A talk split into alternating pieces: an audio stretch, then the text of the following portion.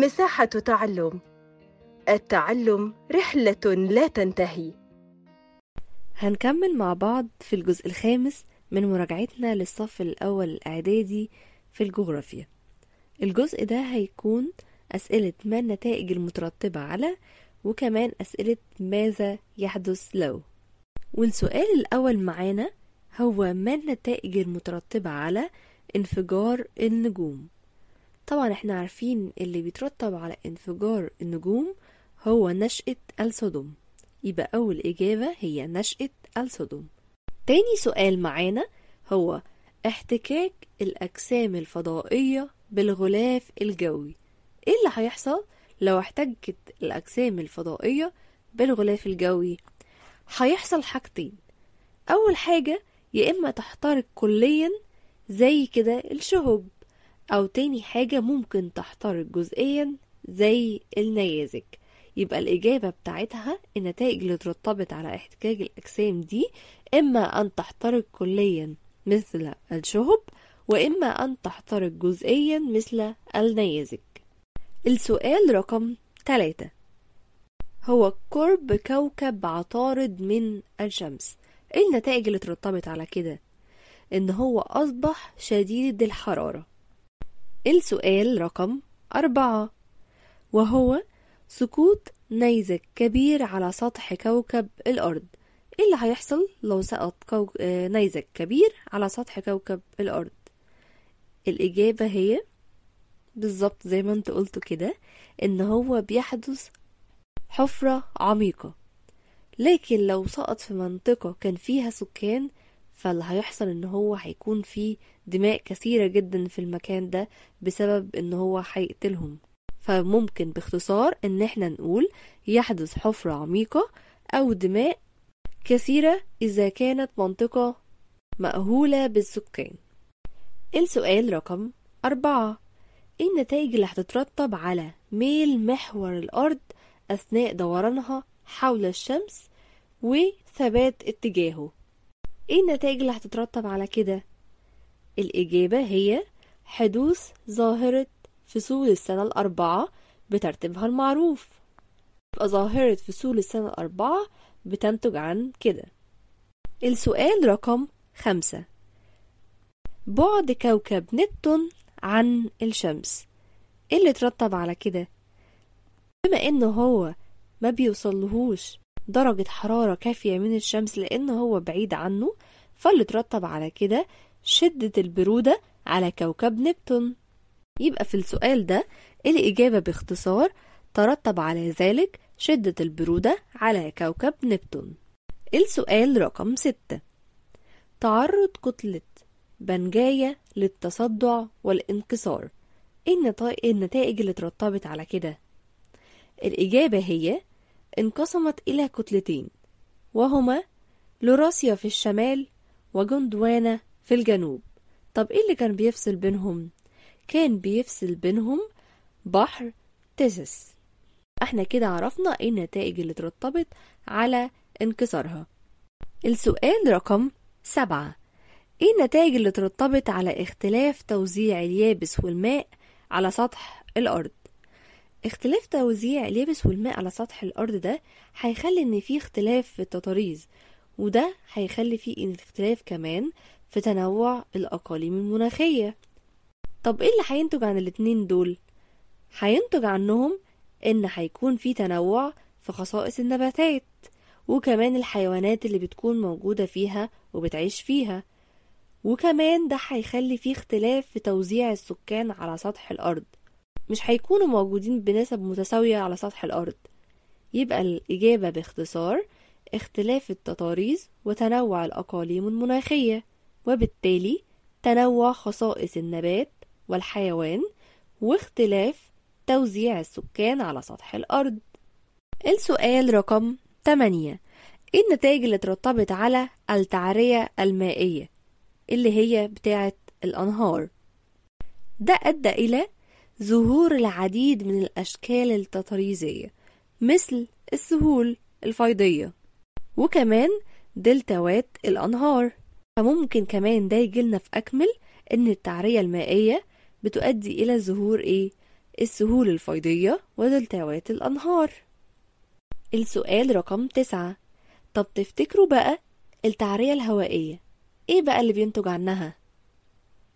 النتائج اللي هتنتج عنها إن هي هيكون في تكون العديد من الظواهر التطريزية.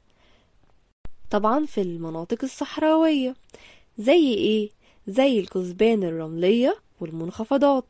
يبقى الإجابة ببساطة تكوين العديد من الظواهر التطريزية في المناطق الصحراوية مثل الكثبان الرملية والمنخفضات. السؤال رقم عشرة. إيه النتائج اللي هتترتب على التعرية الجليدية بالنسبة لسطح الأرض. اللي هيتكون منها اللي هيتكون منها والنتائج اللي هتترتب عليها إنها تتكون بعض الظواهر التطريزية مثل إيه؟ مثل البحيرات الجليدية. بالظبط كده زي ما أنتوا قلتوا. لأن التعرية الجليدية بينتج عنها البحيرات الجليدية. السؤال رقم 11 إيه النتائج اللي هتترتب على زيادة طول القطر الاستوائي عن القطر القطبي. اللي ترتب على ده. اللي ترتب عن زيادة طول القطر الاستوائي عن القطر القطبي هو أصبحت الأرض غير كاملة الاستدارة. فمنبعجة قليلا عند دائرة الاستواء.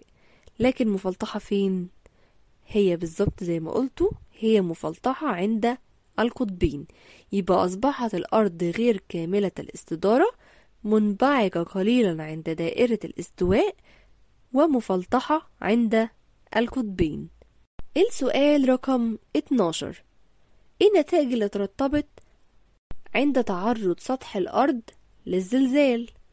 طبعا إحنا عارفين إن لما بيحصل زلزال بيؤدي لتصدع في القشرة الأرضية ففي أجزاء بتترفع من الأرض وفي أجزاء بتنخفض من الأرض.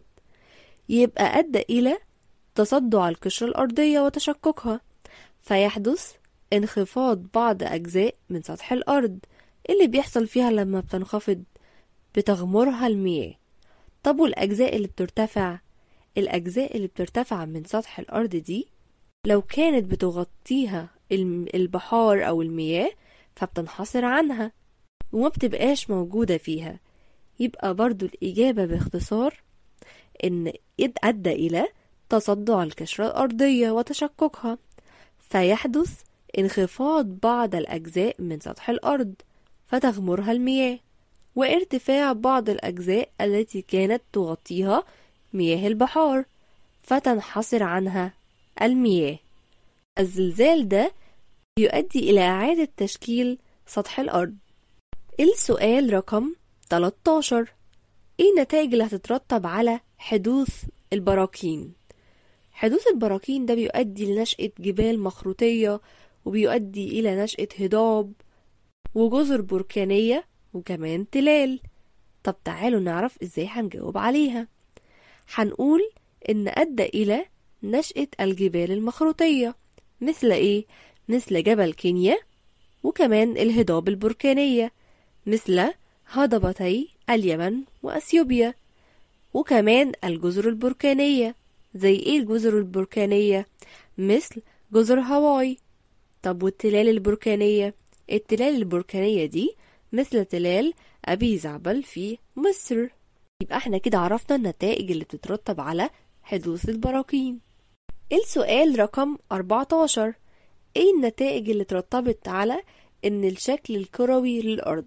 الشكل الكروي للأرض ده إيه النتائج اللي ترتبط عنه؟ بالظبط كده زي ما انت قلتوا إن سقوط أشعة الشمس على أجزاء من سطح الأرض وعدم سقوطها على أجزاء تانية إن هي بتخلي فيه ظاهرة الليل والنهار وكمان الزاوية اللي بتسقط بيها الشمس على الأرض من منطقة للتانية هي بتختلف ده طبعا بيؤدي إيه؟ بيؤدي لتنوع المناخ طب لما يكون في تنوع مناخ عندنا إيه اللي هيحصل؟ هيكون في تنوع في النباتات وكمان وكمان في الكائنات الحية فده كمان بيؤدي لتنوع البيئات. يبقى إزاي هنجاوب الإجابة دي نقولها باختصار؟ هنقول النتائج اللي ترتبط على إن الأرض شكلها كروي. هنقول سقوط أشعة الشمس على أجزاء من سطح الكرة الأرضية وعدم سقوطها على أجزاء أخرى في نفس التوقيت فتحدث ظاهرة الليل والنهار. واختلاف زاوية سقوط الشمس على الأرض من منطقة إلى أخرى مما يؤدي إلى اختلاف درجات الحرارة وده بيؤدي إلى تنوع المناخ وبالتالي تتنوع النباتات والكائنات الحية وبالتالي تتنوع البيئات كمان ممكن يجيب لي في أكمل إن اختلاف زاوية سقوط الشمس دي بتؤدي إيه؟ بتؤدي إلى اختلاف درجة الحرارة وتنوع المناخ. وإيه اللي بيؤدي إلى كده؟ بيؤدي لتنوع النباتات والكائنات الحية. وده هيؤدي إلى تنوع البيئات. وبكده نكون خلصنا جزء أسئلة ما النتائج المترتبة على. هندخل دلوقتي في ماذا يحدث إذا؟ أول سؤال معانا في ماذا يحدث إذا؟ إيه اللي هيحصل لو وجدت حياة على سطح المريخ؟ الإجابة طبعا؟ إن هيتنقل ليه بعض سكان كوكب الأرض علشان يعيشوا عليه. السؤال رقم اتنين. إيه اللي كان هيحصل لو كان كوكب الأرض هو الكوكب الأقرب للشمس؟ طبعا الإجابة إحنا استنتجناها على طول. هيكون شديد الحرارة وهيكون صعب جدا إن إحنا نعيش عليه. تاني حاجة إن هو هيكون أسرع الكواكب في الدوران حول الشمس. السؤال رقم 3 إيه اللي كان هيحصل لو أصبح كوكب الأرض مكان كوكب نبتون؟ طبعا اللي هيحصل إن كوكب الأرض هيكون شديد البرودة عشان كوكب نبتون بعيد عن الشمس فهيبقى شديد البرودة وهتتجمد فيه جميع المسطحات المائية وبالتالي هيكون صعب جدا الحياة عليه زائد كمان إن هو هيكون بطيء الدوران حول الشمس عكس لو كان أقرب للشمس. هيكون بطيء الدوران حول الشمس. يبقى الإجابة هتكون سيصبح كوكب الأرض شديد البرودة وتتجمد جميع المسطحات المائية به وبالتالي تصعب الحياة عليه ويكون بطيء الدوران حول الشمس. فتصبح السنة عليه على سطحه تعادل 165 سنة بدلا من 365 يوم وربع السؤال رقم أربعة. ماذا يحدث إذا لم يكن لكوكب الزهرة غلاف غازي متماسك يصعب اختراقه؟ اللي كان هيحصل؟ هقوله إن كان من السهل جدا تحديد مدة دورانه حول نفسه. وبكده نكون خلصنا الجزء الخامس من مراجعة الجغرافيا. وفي الجزء اللي جاي هناخد التعريفات. أتمنى تكونوا استفدتم كنت معاكم أستاذة رضوى محمود.